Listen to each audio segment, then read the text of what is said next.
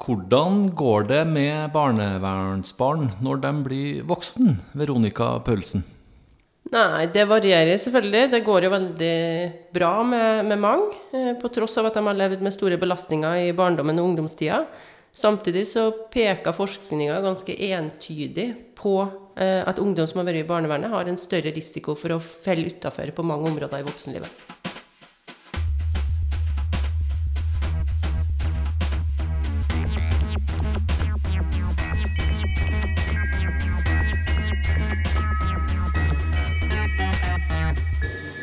Velkommen til Forskerpodden, som etter en lang periode i koronamodus endelig er tilbake i studio. Den gangen her i vårt eget bygg, helt øverst oppe på Dragvoll. Vi forlater alt som handler om eh, koronavirus og følgene av krisa for en stund Dagens sending handler nemlig om begrepet som omtales som ettervern, og en helt ny rapport som lanseres nå. Ettervern en god overgang til voksenlivet. Rapporten er laga av forskerne Joakim Caspersen, Berit Berg, Christian Wendelborg og Jan Tøssebro ved NTNU Samfunnsforskning, og Anne Riise fra Norges arktiske universitet med vår egen Veronica Paulsen som prosjektleder. Hun er også dagens gjest. Navnet mitt er Vegard Smevold. Forskerpodden er NTNU Samfunnsforsknings egen podkast, sendt fra Dragvoll. Veronica Paulsen er forskningsleder for barnevernsfeltet på Avdeling for mangfold og inkludering her på huset. Hun har lenge vært engasjert i hvordan utsatte barn har det, hva som skal til for å skape gode oppvekstvilkår, og at de utsatte barna får det bedre. Aller først, Veronica. Hva er egentlig barnevern? Det er et veldig stort spørsmål, da. Men eh, barnevernet er jo den instansen som skal sørge for at eh, barn, unge og familier som har det vanskelig, får den hjelpa de trenger, hvis vi skal ta det veldig veldig kort. da. Hvor er det de eh, får den hjelpa? De fleste får hjelp i hjemmet. Eh, det er det som er det mest vanlige, at man gir hjelpetiltak i hjemmet. Og noen får hjelp utafor hjemmet og bor i fosterhjem eller institusjon. Nettopp. Hva er ettervern, da, når vi snakker om barnevern? Ettervern er den oppfølginga som ungdommer som har vært i barnevernet før de er 18 år, kan få i alderen 18 til 23 år. Eh, og i den studien som vi har gjort eh, av ettervern, så har vi òg inkludert forberedelsene til ettervern, altså tida rett før de får ettervern. fordi vi har sett at det arbeidet som gjøres i forkant knytta til motivasjon, medvirkning og tilpasning av tiltak, vil ha stor betydning for om ungdommene For det første om de ønsker ettervern, eh, men òg om ettervernstiltakene som de her ungdommene får, er tilpassa behovet til ungdommene. da. Mm. Eh, hvor lenge er det denne ordninga her har vært eh, praktisert? da?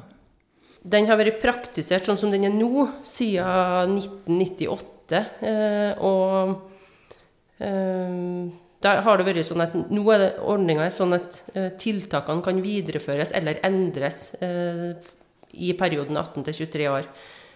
og før denne lovendringa så var den øvre aldersgrensa 20 år.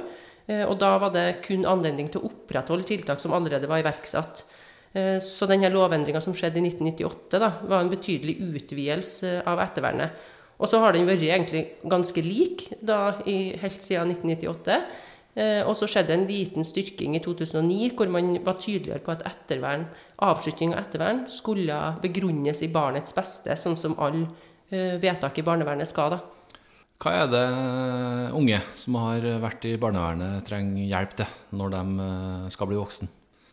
Nei, de Behovene varierer jo veldig eh, mellom ungdommene, selvfølgelig. Men det de fleste beskriver, er at de har behov for fortsatt støtte. Da. Eh, både etter at de er 18 og etter at de er 20. Og, og det de har beskriver sjøl at de har behov for, ligner jo veldig på den støtten som ungdom vanligvis får fra foreldrene sine. Eh, vi vet jo det nå at det, eh, ungdom får jo støtte lenge fra foreldrene, både praktisk og eh, emosjonell støtte. Og det er den hjelpa ungdommene her ofte etterspør. da.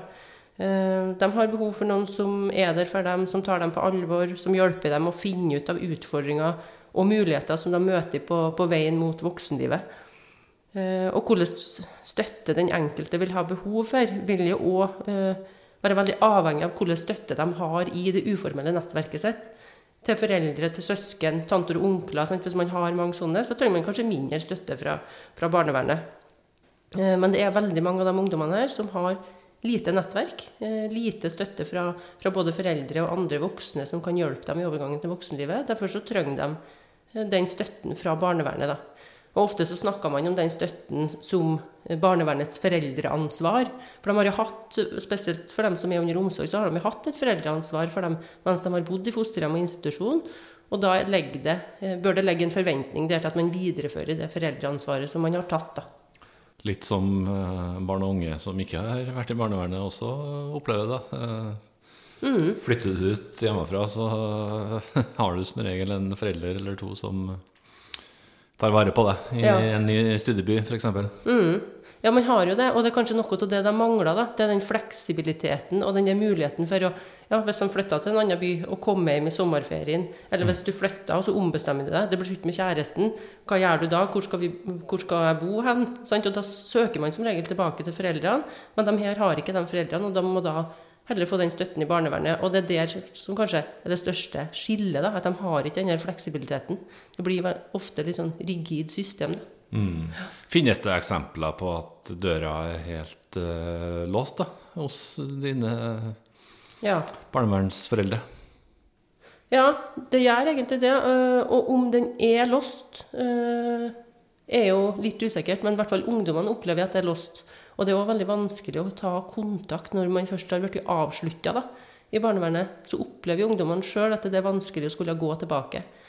Og så er det jo en øh, I lovverket så er det tydeliggjort at barnevernet skal ta kontakt med ungdommene en stund etter at tiltakene er avslutta. Men det skjer øh, dessverre ganske sjelden. da. Eh, Så der finner vi ganske store, eh, stor svikt i, i Ja, det gjøres sjelden. Mm. Dere stiller jo spørsmålet i den helt ferske rapporten Er ettervern en god overgang til voksenlivet? Da kan jeg jo stille deg det spørsmålet nå. Er ettervern en god overgang i dag? Ja, det er jo det vi har brukt ca. 200 sider på å prøve å svare på. Det. Så det er vanskelig å gi en sånn kort eh, oppsummering av det. Men jeg vil jo si eh, tja og nei. Eh, for det, at, eh, det man ser, er at det er mange eh, ungdommer som faller, faller utafor. Eh, og man klarer ikke nok eh, klarer ikke å gi et godt nok oppfølgingstilbud til de ungdommene her. Og en av utfordringene er eh, at det er veldig få ungdommer som faktisk får ettervern. Og sånn som vi har, vi har jo sett på det ved bruk av registerdata, og det er ca. 20% av dem som potensielt kunne fått ettervern, som får det. Eh, altså dem som har vært i barnevernet før de er 18 år, av dem så er det bare 20% som får, får ettervern. Eh, Og så er det litt høyere hvis man ser på dem som var, hadde tiltak når de var 16-17 år. Da er det sånn litt over 30% som får, men det er likevel veldig lavt. Mm. Eh, så De 70-80 prosentene som ikke får eh, er det fordi de ikke ønsker det sjøl, eller hva er grunnene til det?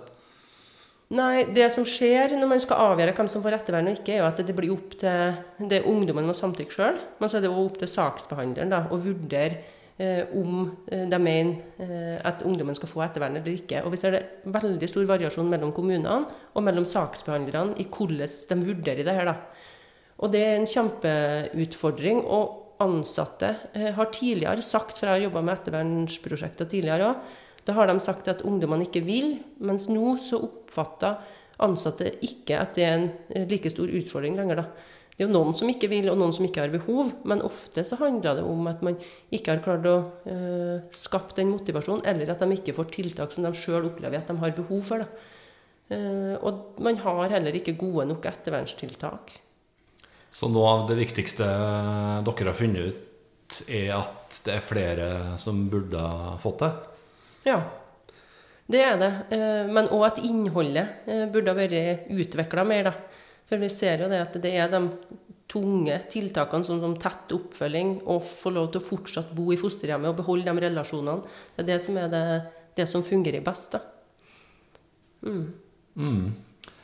Hva er det som eh, skjer med de unge da, som ikke får den støtta og hjelpa de skulle ha hatt? Nei, det vi ser er at det er mange som, sagt, som faller utafor i voksenlivet. Da. Mykje, eh, det er mange av dem som ikke klarer å fullføre videregående. Eh, flere som ikke får innpass i arbeidslivet. Det er flere av de ungdommene her som mottar økonomisk sosialhjelp. Og flere som mottar ulike trygdeytelser. Da. Så de faller utafor på mange av de områdene som, som man gjerne ønsker å være inkludert i. Da. Eh, I tillegg så er det jo som kanskje er minst like viktig, er at de har eh, utfordrende, en utfordrende hverdag, rett og slett. De sliter i hverdagen, de har ikke noen voksne å støtte seg på, og ofte har de òg lite vennenettverk. Eh, og det er mye sånn usikkerhet knytta til bolig, knytta til økonomi. Så de har veldig mye bekymringer som, gjør, som stenger litt for å fokusere på framtida. Så blir sånn veldig sånn fokus på her og nå, for de har så mye som må løses hele tida. Så det er en, det er en utfordring. Mm. Så det er egentlig en ond sirkel som bare blir ondere og ondere, da. Ja. Mm. Har dere noe forslag til hva som kan gjøres for å få flere innunder den eh, paraplyen? Ja. Vi, an, vi anbefaler at man skal starte tidligere med å jobbe med å motivere ungdommene til ettervern. Da. Og at man tidligere har en bevissthet om det. For vi ser at når det skal planlegges ganske omfattende tiltak såpass sent, eh, for ofte så kommer man ikke i gang med det før de er 17-17 og et halvt, og da får man ikke tiltakene opp og gå rett og slett før de blir 18. Så det å starte eh, tidlig, jobbe med motivasjon, forberedelse, skape relasjoner, eh, er kjempeviktig. I tillegg så bør man jo jobbe mer med, med å utvikle tiltakene, som jeg sa, da, og utnytte tiltakene bedre. Eh, det er stor forskjell på kommunene, men i store kommuner så kan man jo ha bofellesskap med oppfølging, f.eks. Mens i små kommuner kan man kanskje ha hybel med en hybelvert som kan følge opp. Så det er mange ulike løsninger da, eh, som man bør jobbe med å utvikle enda mer. Mm. Hva skal dere gjøre for, at, eh, for å få myndigheter til å høre på de her forslagene? Nei, vi håper jo at eh, den rapporten her skal eh, bidra til endring, da. Eh, og så har det jo allerede kommet eh, et endringsforslag der man snakker om eh, utvidelse av aldersgrensa for ettervern. Og vi håper at denne rapporten kan bidra til å synliggjøre det behovet, samtidig som, som at vi også peker på, på mange, mange andre behov, da, som bl.a. er knytta til tiltaksutvikling, mer fokus på nettverk, sosial deltakelse, enda større fokus på skole. Og så anbefaler vi jo at det skal utvikles en nasjonal plan for, for ettervern som sikrer at dette blir prioritert. Da. Eh, Fordi at det er kanskje en av de store utfordringene det her, er at eh, barnevernstjenestene har ikke tid til å prioritere det. For de har så mye annet de jobber med samtidig. Mm. Det, rett og slett tid, tror du? Er det andre grunner, tror du, til at det ikke blir prioritert? Eh, Det som er inntrykket, er at eh, det ofte blir mer fokus på de små ungene, og at man ikke Ja, da, at man rett og slett prioriterer det, og at det blir litt sånn brannslukking, da. Eh, Og ansatte sier jo det, det ser vi òg i mange av prosjektene vi har på barnevern, at ansatte er så travel og har så mye sånn at de er nødt til å prioritere. Så det handler ikke om at de ikke vil, og at de ikke tar seg tid til dem, men de er rett og slett nødt til å prioritere, prioritere mellom ulike oppgaver. Da. Og sånn som f.eks. undersøkelser i barnevernet, som har, har en frist på det på tre måneder til å gjennomføre undersøkelsen, og da er man på et vis nødt til å prioritere det først. Det er sånn det oppleves av de ansatte, i hvert fall. Er det noe, jeg tror du var så vidt inne på det, at det er store eh, ulikheter fra by til by og kommune til kommune. Eh, Går det an å si noe generelt om det? Eh, Hvor er det skoen trykker mest, da, på en måte? Nei, Vi har jo prøvd å sitte litt på det også, gjennom registerdataene, og da finner vi lite sånn systematiske forskjeller. Det er kanskje en liten tendens til at man gir mer ettervern eh, i eh, de mest sentraliserte kommunene. Ja. Eh, men da handler det om hvem, hvor mange som får. Eh, men eh, bortsett fra det så er det lite sånne systematiske forskjeller på det. Men i de kvalitative studiene så ser vi at det som er den store forskjellen, er jo innholdet. Eh, det er der det er veldig stor forskjell mellom, mellom kommunene. Og, og organiseringa, hvor de kommunene som har organisert egne team, eller egne ansatte som følger opp ungdommene, eh, de prioriterer jo naturlig nok det arbeidet mer, da, fordi at de slipper å eh, hele tida prioritere mellom andre, med andre oppgaver. Så det er ikke helt uh, sånn at jo større by du bor i, jo bedre mulighetene? Nei, egentlig ikke. Men det er der jeg tenker man må jobbe med tiltaksutviklinga.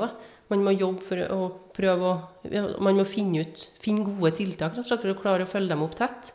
Og der tenker jeg at mulighetene er like store i en, i en liten kommune som i en stor kommune. Eh, men knytta til team så vil jo det være vanskelig. Det er jo vanskelig å ha egne team i tjenester hvor man er to ansatte. Hva er grunnen til at du eh, har vært så engasjert i det som handler om barnevern? Jeg har jo jobba i barnevernstjenesten tidligere, eh, og syns at eh, barnevernet gjør en utrolig viktig jobb.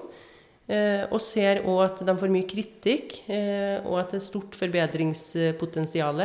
Og jeg syns det er så viktig at man klarer å gå inn i det og se hva som faktisk er utfordringene, og peke på hva man kan gjøre med det, og ikke bare påpeke påpeke hva man ikke er bra nok. Mm. Hva tenker du om den kritikken som det norske barnevernet har fått da, i noen år nå?